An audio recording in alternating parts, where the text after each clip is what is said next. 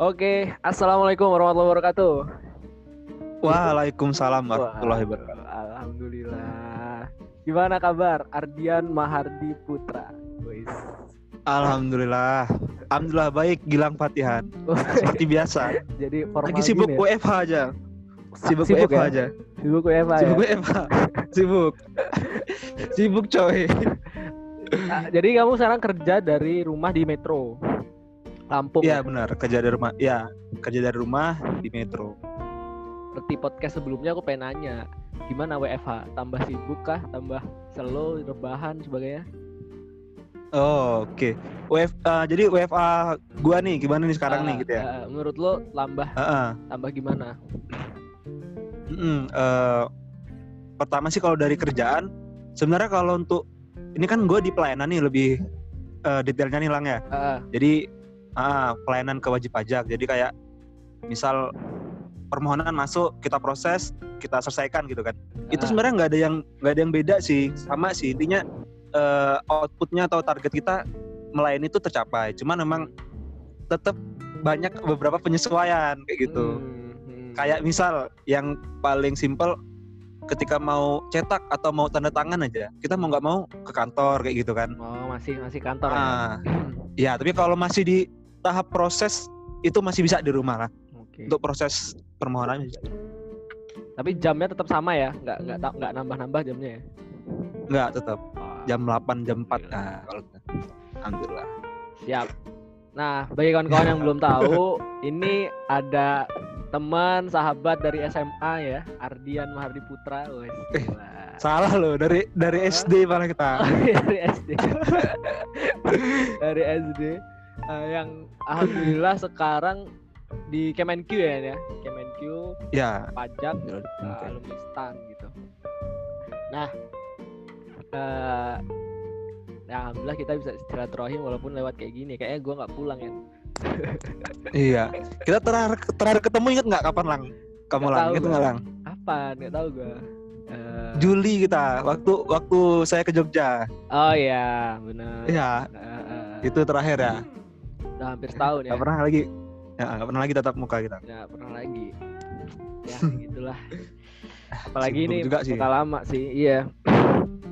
Nah, apa apa nih An yang isu-isu yang lagi menarik yang bisa kita ulik nih, kita ulik nih. apa ya pasti isu covid lah yang pasti Covid covid, lah ya. COVID. Tapi ya itu ya seputar covid uh, sebenarnya jujur aja agak aku agak bosan gitu ya, agak bosan ngelihat ko- apa covid gitu loh, eh, isu-isunya gitu. Mungkin ya Mm-mm. kita bisa tahu tiap hari ada update berapa yang nggak belum belum turun sama sekali. Lalu eh, oke sekarang mungkin yang lagi booming tuh kartu prakerja gitu kan dari segi ekonomi, benar. kebijakan-kebijakan Pak Jokowi. Cuman Mm-mm. yang mungkin beberapa dari kita tidak kesentuh tuh kebijakannya Bu Sri Mulyani nih Yan gitu. Yang Oke. akhirnya untuk ah yang akhirnya gitu kita tahu punya yang disebut dengan pandemic bond gitu ya. pandemic Ah. bonds oke benar banget Namanya udah, udah ini banget nah. Kalau kita bahas ini gimana nih? Niat dari sudut pandang eh boleh sih bisa lah ya lah ya. gua bisa jawab eh, yang saya tahu lah Mas, dari- dari dengar-dengar juga dari baca-baca oke. berita dan sebagainya ya ya kita sebagai Hmm. orang-orang di luar punya hak lah untuk akhirnya ngelihat gitu kan ngelihat kebijakan-kebijakan sambil belajar gitu kan ya Nggak eh, perlu- karena Mm. bener walaupun nggak perlu kita kita sangat ahli gitu ya jadi kita apa ya se, se- orang awam ngelihat kebijakan-kebijakan ini kayak apa gitu nah kalau kalau dari sudut pandang lo nih An. Wah, ini kalau gua ngomong sama Hmm. teman-teman SMA ini lo gue gitu orang lama. Iya jadi yaudah kita bebas lah yang penting santai aja. Dari sudut pandang lo gimana ya ngelihat akhirnya Bu Sri Mulyani ngeluarin kebijakan ini gitu loh pandemic bond yang kita tahu sendiri ada yang berapa tahun ya dibagi tiga ya 10 ada yang sampai tiga tenor ya tiga tenor ada yang paling lama 50 tahun ya 2070 tuh target pembayaran 2070 yang paling panjang Gimana ya? Oke, eh, gini. Pertama, gua agak lurusin dikit nih, Bang. Hmm. Jadi sebenarnya eh, kalau yang gua baca ya, kemarin gua baca dari salah satu tulisannya Pak Denny Irawan di LinkedIn kalau nggak salah. Hmm. Eh, dia bilang gini, kalau ini sebenarnya tuh bukan pandemic bonds lebih tepatnya, tapi Hmm. global bonds for pandemic COVID-19. Oke. Nah, ah, jadi eh, kalau mungkin kalau kita lihat bedanya apa, kalau pandemic bond kan berarti udah jelas tuh lang, khusus pandemic ya lang ya. Hmm. Eh, ibaratnya 100% eh, dari hutang itu untuk pandemic. Tapi, tapi kalau global bond for pandemic itu ada kemungkinan nggak 100%, tapi mungkin mak- maksimal pasti pandu- eh, pandemic. Cuman Hmm. sebagian bisa ke untuk belanja atau pembiayaan yang lainnya. Oke. Gitu. Siap, siap. Itu untuk tentang tadi sih, Penamaan ya, teknologi. penamaannya berarti ya. penamaan tadi sih. Ha. Setahu gue ya kalau yang sifatnya iya. ya sebenarnya global bonds tadi. Eh, Oke. Dan ini terbesar gini, ya? hmm, gimana lang? Dan ini terbesar ya? Terbesar, Terbesar, ya. sejarah, ya. Tenor terpanjang ya. Mm-mm. Tenor terpanjang. Tenor terpanjang. Dalam Lanjut lanjut sejarah. gimana gimana? Oke, eh, jadi kayaknya lebih enak kalau kita bicara dulu alasan dibalik Nah, penerbitan bonds ini, ya nggak sih? iya benar. Ah, Kenapa Eh, ya? Maksudnya banyak akhirnya yang kritik apa tidak ada sumber lain dan lain sebagainya kan. Oke, eh, ini kan kalau kita bicara bonds itu kan utang atau pembiayaan ya, Lang ya. Mm, Kalau bahasa teknisnya pembiayaan ya. Nah, mm. pembiayaan itu kan timbulnya seperti yang kita tahu kan ada di APBN kan ya Lang ya. Ya, Heeh, jadi kalau kita bayangin APBN itu eh, neraca lah ya, mm, mungkin ada satu sisi pendapatan, sisi lain belanja. betul. Ketika ada selisih, selisih yang lebih besar belanja, timbul namanya utang untuk nutup kekurangan tadi ya kan? Def- defisit fiskal berarti kan ini Defisit fiskal benar. Eh, gue sempat ada sempat baca data juga nih. Jadi defisit kita itu kalau yang kan undang-undang APBN tahun lalu ya dibuat ya Lang ya. mm, Ditetapin kan kalau APBN itu kan akhir tahun ya. Nah, mm, itu udah ada pre- prediksi bahwa defisit kita 307,2 triliun atau 1,76 persen dari PDB gitu kan mm, produk domestik bruto. Nah eh, itu sebelum ada yang namanya corona ini coronavirus ini. Nah ternyata berjalannya waktu mulai awal ah, Maret ya mulai pengumuman pasien pertama ya. mm, Nah mulai awal ini eh, mulailah kerasakan goncangan perekonomian kan Elang ya. mm. Mm-mm, mulai awal Maret itu eh jadi kalau gue lihat APBN ini pertama kita lihat dari pendapatan atau penerimaan pajak lah ya mm. itu kan kita nih APBN ini masalahnya digempur dari dua sisi lang untuk COVID ini lang Dari pengeluaran Jadi- dan pemasukan. iya bener banget jadi dari pendapatan pendapatan utamanya pajak ya Hmm. itu benar-benar eh, te- terkontraksi lah atau tertekan lah ya, gi- Hmm. ya gimana enggak kan masa kita mau pahitnya ngomong masa kita kejar-kejar kan lagi susah perekonomian ya kan Heeh. Iya iya iya benar-benar. jadi dari dari setoran pajaknya eh, Oh. perusahaan. Mm, usaha itu kan udah turun. Mm, ditambah lagi kita kasih insentif dan banyak keringanan ya kan? Jadi dari penerimaan turun ditambah lagi ada belanja yang besar untuk penanganan COVID-19 ini pastinya. Iya. Nah, Stimulus ekonomi. yang benar pastinya eh, lebih utama belanja kesehatan ya yang paling besar ya gara-gara nah gara-gara covid ini jadi kalau dari defisit sendiri eh, data dari Kemenkeu itu dari yang tadinya prediksi tahun ini bakal 307,2 triliun mm, nantinya sampai akhir tahun ya mm. itu prediksi sampai akhir tahun eh, defisitnya meningkat sampai 853,0 800 triliun dari jadi, jadi dari 300-an ke 800 triliun Oke oke oke. Ya, Uh, yang 300 itu berarti yang oke. target defisit 2, berapa persen Iya. itu ya? Kiraan eh, 1,76 1,76. Nah, ternyata Oh. eh, satu kan nah kan PBN ada batasnya lang ya tiga di bawah Hmm. tiga persen ya 23 persen. di ketentuan. Nah, eh, eh, nah eh, lalu setelah dihitung-hitung oleh teman-teman Kementerian Keuangan, eh, teman-teman bagian anggaran ya, Dijen Anggaran, dan teman-teman eselon satu lain, ketemulah prediksi tahun ini tuh eh, bakal defisit kira kira ya namanya perkiraan 5,07 persen itu yang artinya kan udah lebih dari ketentuan di undang-undang tuh lang Betul, betul. Hmm, kan nggak boleh tuh defisit terlalu besar ya kan Impeachment. atas tiga. Nah, itulah uh, uh, dari bisa ke situ. bisa ke situ, Pak. Gitu. Jadi dari defisitnya melebar, alurnya kan terbit terbit Perpu dulu ya, Lang ya. Ya, Perpu nomor berapa? Perpu 1 kemarin ya. Perpu satu. Perpu 1 2020. Nah, di situ yang ya banyak lah penyesuaian fiskal. Agar apa? Gampangnya agar ya ini kondisi genting ibaratnya. Hmm. Jadi kita mau nggak mau harus melebarkan defisit Hmm. ke 5% tadi. Di mana itu nggak bisa dibilang kan nggak sesuai dengan undang-undang tuh. Hmm. Nah makanya keluarnya kan perpu, jadi setara sama undang-undang kayak gitu. Hmm. Eh, Ya. Itu dari sisi ah, penerbitannya. Terus ya udah berarti defisit melebar, kebutuhan pemerintah makin gede, makin gede besar. Hmm. Hmm. Ya udah artinya simpelnya kita butuh tambahan pembiayaan. Salah Hmm. satunya dari utang ini Bonds. dalam Oke, nah oke, dalam bentuk bonds kayak gitu. Tapi kalau dilihat dari sumber lain gitu kan, memang nggak ada yang possible lagi gitu. Karena jujur aja ini angka yang sangat besar Mm. ya, lebih dari li- eh, 500 triliun harus yang harus di, ditambah. Iya, heeh. benar-benar. Eh, jadi gini lang, gue sempat kemarin baca eh, dengar paparannya Bu Menteri juga. Mm. Jadi memang untuk pembiayaan ini nggak nggak cuman dari bonds ya pastinya ya, nggak cuma dari utang ya lang ya. Mm-mm. Jadi eh, opsinya tuh apa? Jadi pembiayaan tuh ada dua lang. Pertama lang, pembiayaan untuk defisit tuh ada dua, yaitu pembiayaan non hutang dan utang. Mm-mm. Nah, untuk non utang itu sendiri ada tiga. Mm-mm. Jadi masih ada tiga opsi untuk non utang ya. Itu ada namanya pemanfaatan saldo anggaran lebih tahun lalu, tahun-tahun lalu. Nah, itu selisih yang lebih masih ada dananya. Ditambah yang kedua, pos dana abadi. Mm. Nah, kita ada dana abadi itu salah satunya itu yang lumayan besar tuh ya LPDP itu lah, dana Hmm. LPDP.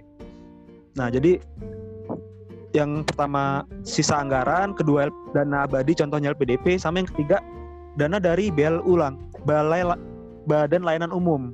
Hmm, oke oke. Eh, eh, jadi ya eh, apa namanya badan-badan layanan yang di bawah pemerintah tapi ada penghasilannya. Kayak rumah sakit pemerintah itu termasuk. Kayak gitu. Tapi nggak nggak besar. Penghasilan. ya? Nggak nggak besar sih memang. Oke oke. itu yang untuk non utang jadi opsinya ya selain utang memang non utang sih maman gua Hmm. untuk pembiayaan Iya sih, ke ah, ini ada ada sudut pandang sedikit lah di aku kan juga Mm-mm. bahas tentang ekonomi syariah tuh Yan. ya Eh, nah, menarik nih Ya iya kan harusnya kita punya berbagai macam instrumen syariah gitu kayak zakat, wakaf yang wah kalau kita bicara potensi tuh ya mm. zakat tuh potensi 217 triliun tuh menurut Basnas kayak gitu-gitu kan. Ah, banyak sebenarnya ini aku mengkritik syariah juga gitu. Banyak tuh yang bilang Hmm. bak- bakal oh ini bakal kalau dipakai syariah ini nggak perlu utang dan lain sebagainya gitu. Tapi di sisi lain kita lihat realitasnya juga bahwa wah zakat ini realisasi, realisasi yang tercatat tuh baru 10 triliun Iya. tahun itu kayak wah jauh banget. Dan artinya eh, Mm, mm, ya benar. mungkin itu belum bisa jadi alternatif yang signifikan mungkin. Kalau membantu pasti membantu sih menurutku. Zakat wakaf dan sebagainya sebenarnya mungkin butuh kepastian juga.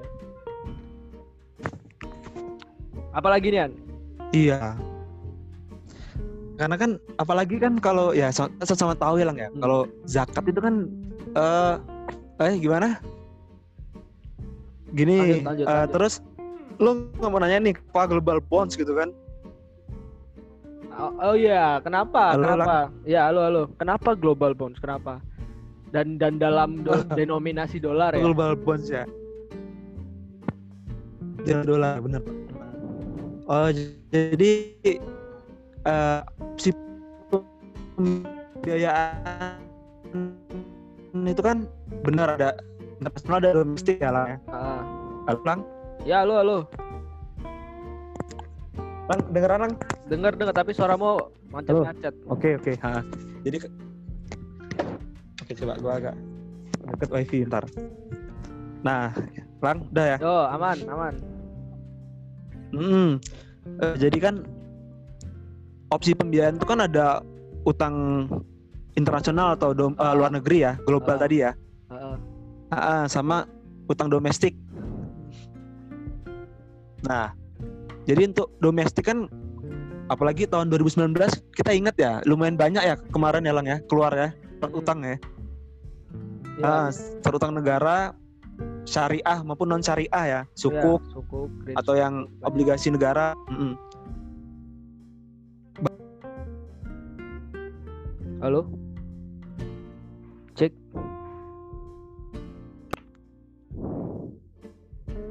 Halo Lang, Halo, halo. Putus tadian. Halo? Halo, halo. putus ya? Oke. Ah, Ah, dan halo, oke. ah. Jadi kan domestik kemarin tahun lalu udah lumayan keluar banyak ya. oh gitu. Hmm.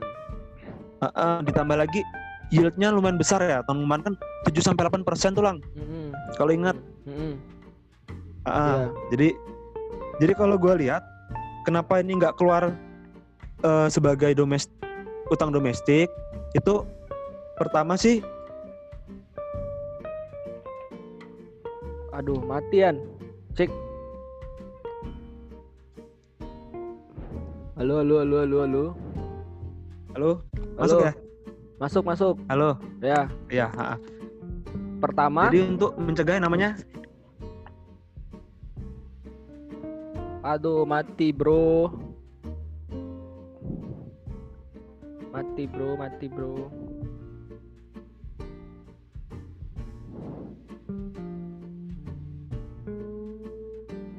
masuk ya lang Masuk, masuk.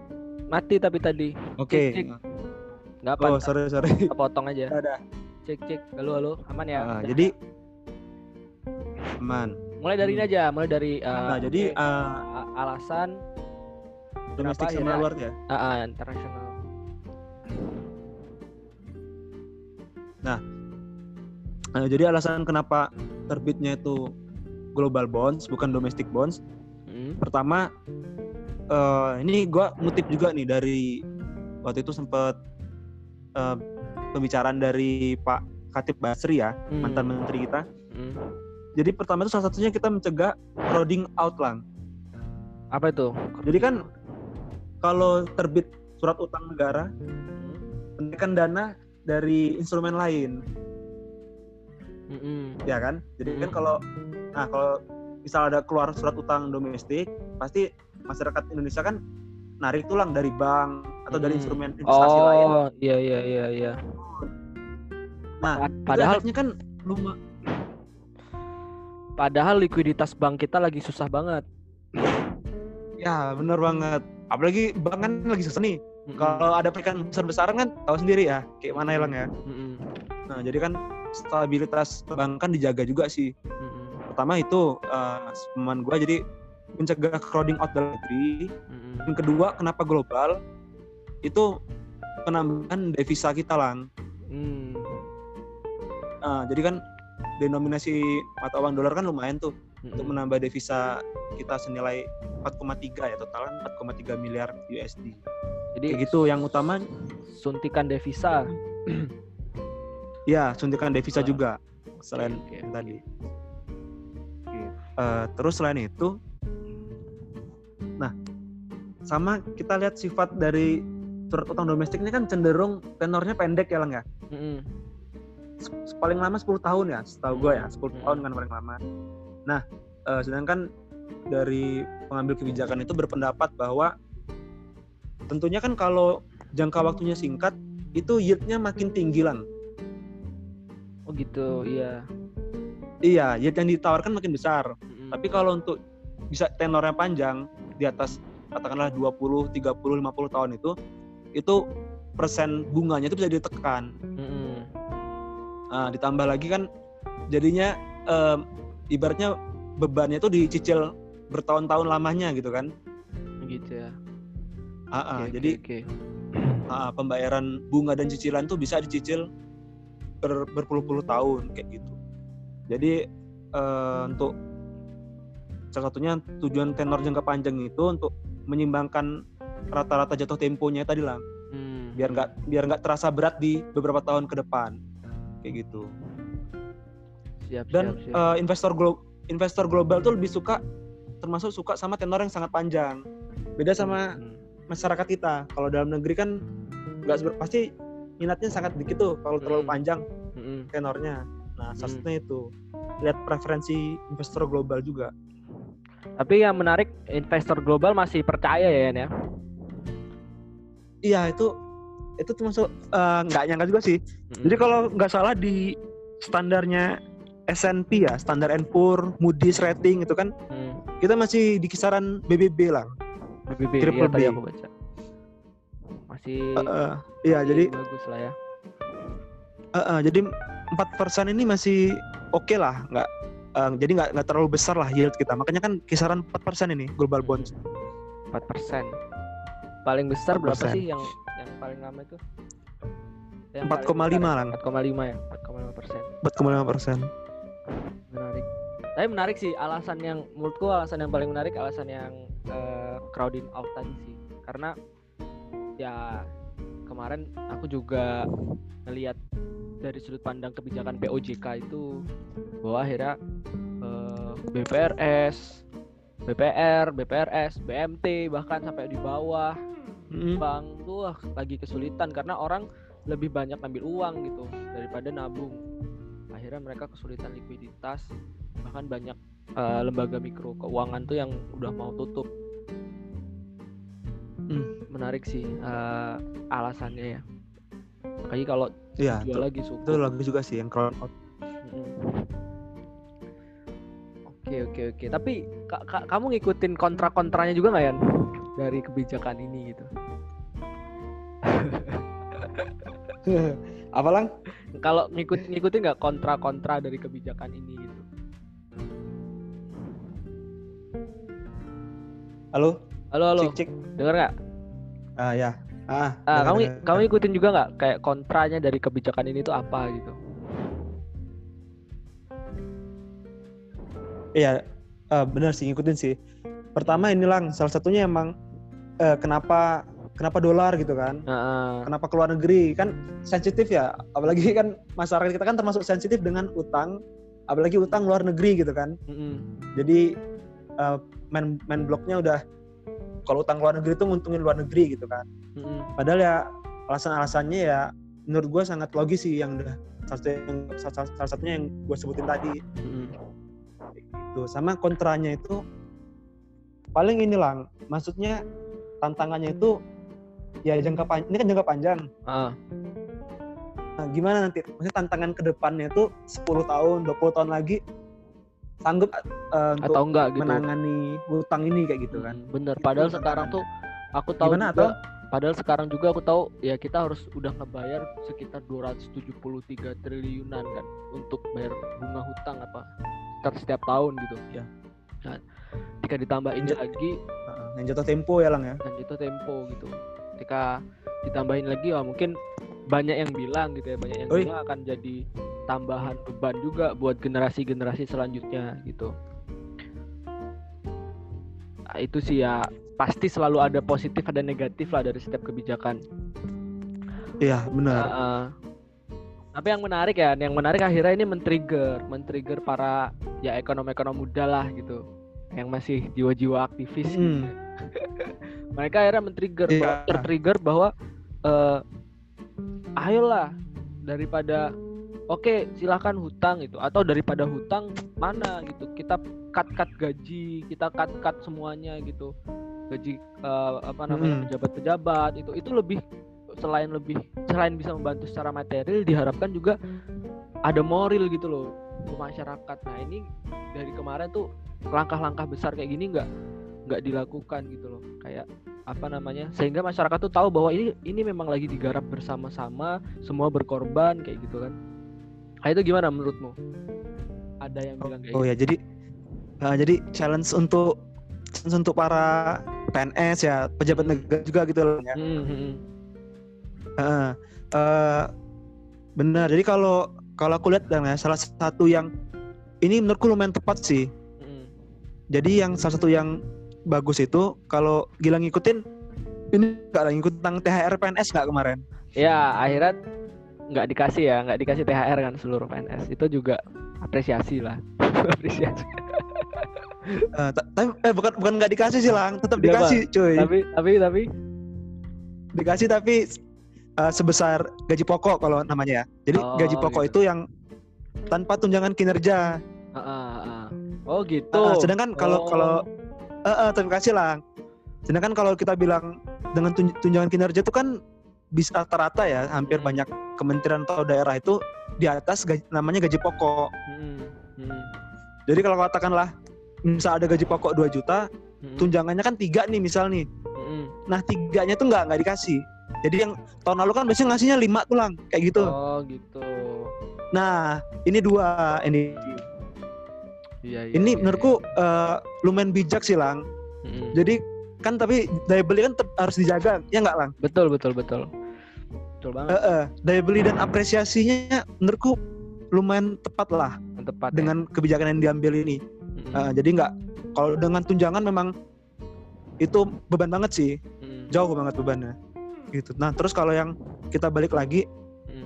yang Gilang tadi nanya eh, komitmen dari misal teman-teman di PNS atau pemerintahan Mm-mm. itu memang salah satunya menurutku yang udah ber- udah berjalan kan THR ini yang nanti bakal Hmm. diberikan Mm-mm. itu udah tepat Mm-mm. pemberian yang cuman sebagian itu terus eh kalau misal menurutku ya Lang ya kalau Hmm. misal berpendapat nih eh, dari swasta atau dari luar ya kenapa kok nggak dipotong PNS nggak dipotong setengah semua gitu ya Mm. atau atau atau 25% serempak tuh Mm. nah itu kan kalau menurut gua susah juga sih Lang diimplementasikan sih Lang ya Mm-mm. karena kan itu kan ibaratnya maksa donasi juga tuh. T- ya secara terpaksa dalam tanda kutip ya Iya. ditambah kan kita nggak belum tahu juga cuy kebutuhan tiap orang cuy Iya sih betul. Betul. Eh, eh, kalau misal ya misal nih kayak gue yang masih bujang nih misal ya oke aja gitu kan Nah, tapi kalau yang ada tanggungan Iya. dan sebagainya nah itu kan ah, Iya betul sih, jadi benar. jadi gue setuju sih lang Mm. yang tantangan itu tapi kembali lagi ke pribadi memang jadi Mm-mm. ayolah juga eh, misal teman-teman yang PNS nih kasih contoh kayak gitu kan Mm. kesadaran diri lah sisihkan sebagiannya Iya teman-teman sih. apalagi teman-teman pejabat negara gitu kan Nah, yang sebenarnya yang Kelas yang di pemimpin yang paling dituntut tuh sebenarnya itu eh, langkah simbolis ya, langkah simbolis dari pejabat-pejabat negara yang kalau dari PNS-PNS yang eh, masih apa namanya belum sampai eselon 1 mungkin ya. Itu kebutuhan, Ah. kebutuhan mereka pasti masih banyak lah gitu. Maksudnya eh, Mm-mm. untuk memenuhi kebutuhan mereka juga penting gitu kan. Cuman kita butuh langkah-langkah yang apa ya kita bisa bilang langkah kecil tapi berdampak multiplier gitu dari moral bangsa. Nah itu kemarin ada ini di luar ek- konteks ekonomi sih gitu. Iya nggak apa Mm-mm. jadi sim apa namanya simboliknya simbolik itu hilang ya Mm-mm. dan psikologisnya harapannya bermain di situ ya Iya kayak wah ini ada emang kita ini lagi bareng-bareng gitu. Eh, eh. Mm-mm. Ah, Mantap kan? ayo sih gitu kan Ah, Iya sih benar gitu. Oke nih, ini kita udah eh, di penghujung gitu ya. Apa apa Oke. eh, apa namanya? Ada lagi nggak mungkin yang belum disampaikan dari dari lo terkait tadi Oh. itu terkait pandemic oh paling ini sih lang atau apa? Hmm. gue mau nyampein juga jadi kan bener namanya kebijakan tuh kan nggak ada yang hitam nggak ada yang putih nggak ada yang benar nggak ada yang salah ya kan Lang? nah idealnya kalau memang pengambil kebijakan kita itu berusaha sebaik mungkin ya itulah yang kebijakan itulah yang terbaik untuk bangsa gitu kan apalagi ini kan eh, kita bisa lihat sendiri gitu. Ini kondisinya lagi genting mendesak Eh, ini juga berhubungannya dengan nyawa gitu kan. Dan belanja eh, misalnya peningkatan belanja atau peningkatan hutang ini juga kan tujuannya kembali lagi untuk penanganan coronavirus ini. Nah jadi em, gua kita wajib kritisi tapi kita eh, untuk yang hal-hal emang udah bener ayo kita dukung bersama kayak gitu Sepakat. Karena- guys. karena kan eh, eh, lang inget eh, cuma kan ini lang sedikit nih apa?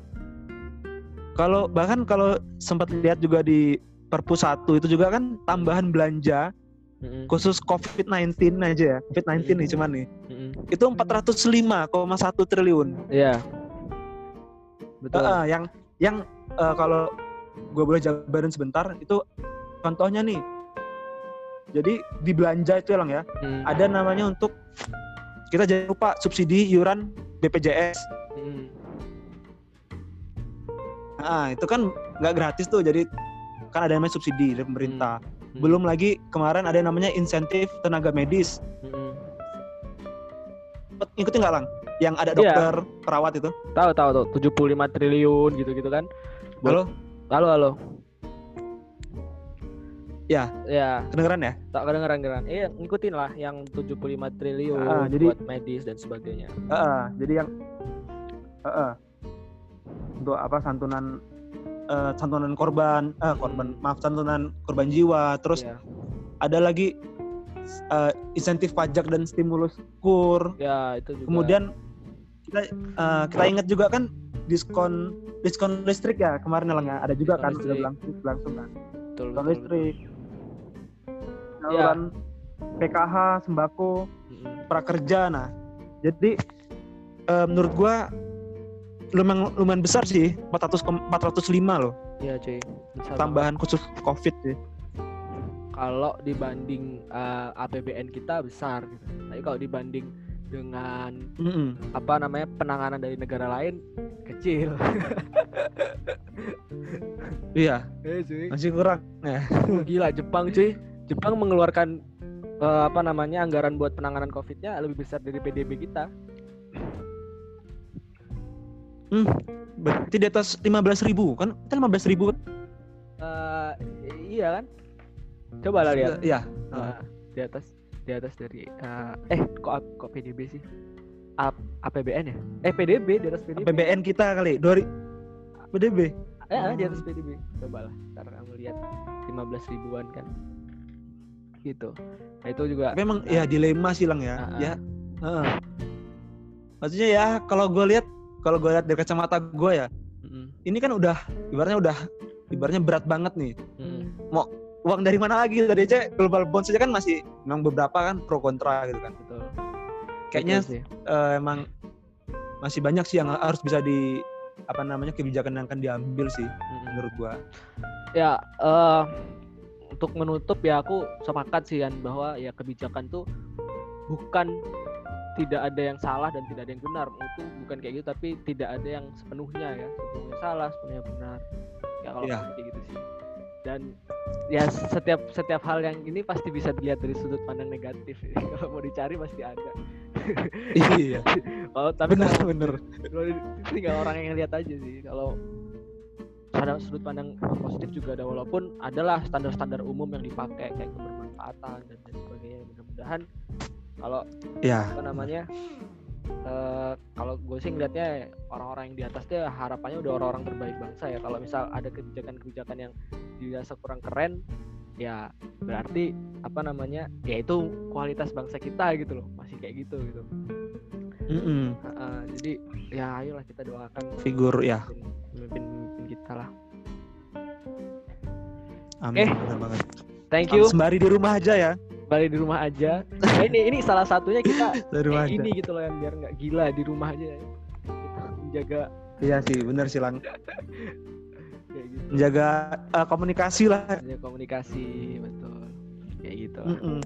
Oke thank you Yan untuk Asli ini udah se- sebulan ah oke. Sebulan. Eh, semoga ah, s- gua apa? gua makasih juga nih lang udah Ah. dikasih kesempatan untuk ngobrol bareng ya ngobrol Siap, bareng siap. Gilang. Ini ntar banggaan judulnya lah bagi gua nih. Uh, banggaan. Ini judulnya tabayun bareng. ASN oh iya boleh. Iya kan kita kadang kritik Mantap. tanpa tahu kan. Ya ah, oke ya gua berusaha jelasin yang gua tahu kan gitu ya Ya, betul betul. Oke, kita tutup. Terima kasih Ardian. Sampai ketemu, nggak tahu kapan. Assalamualaikum warahmatullahi wabarakatuh. Waalaikumsalam warahmatullahi wabarakatuh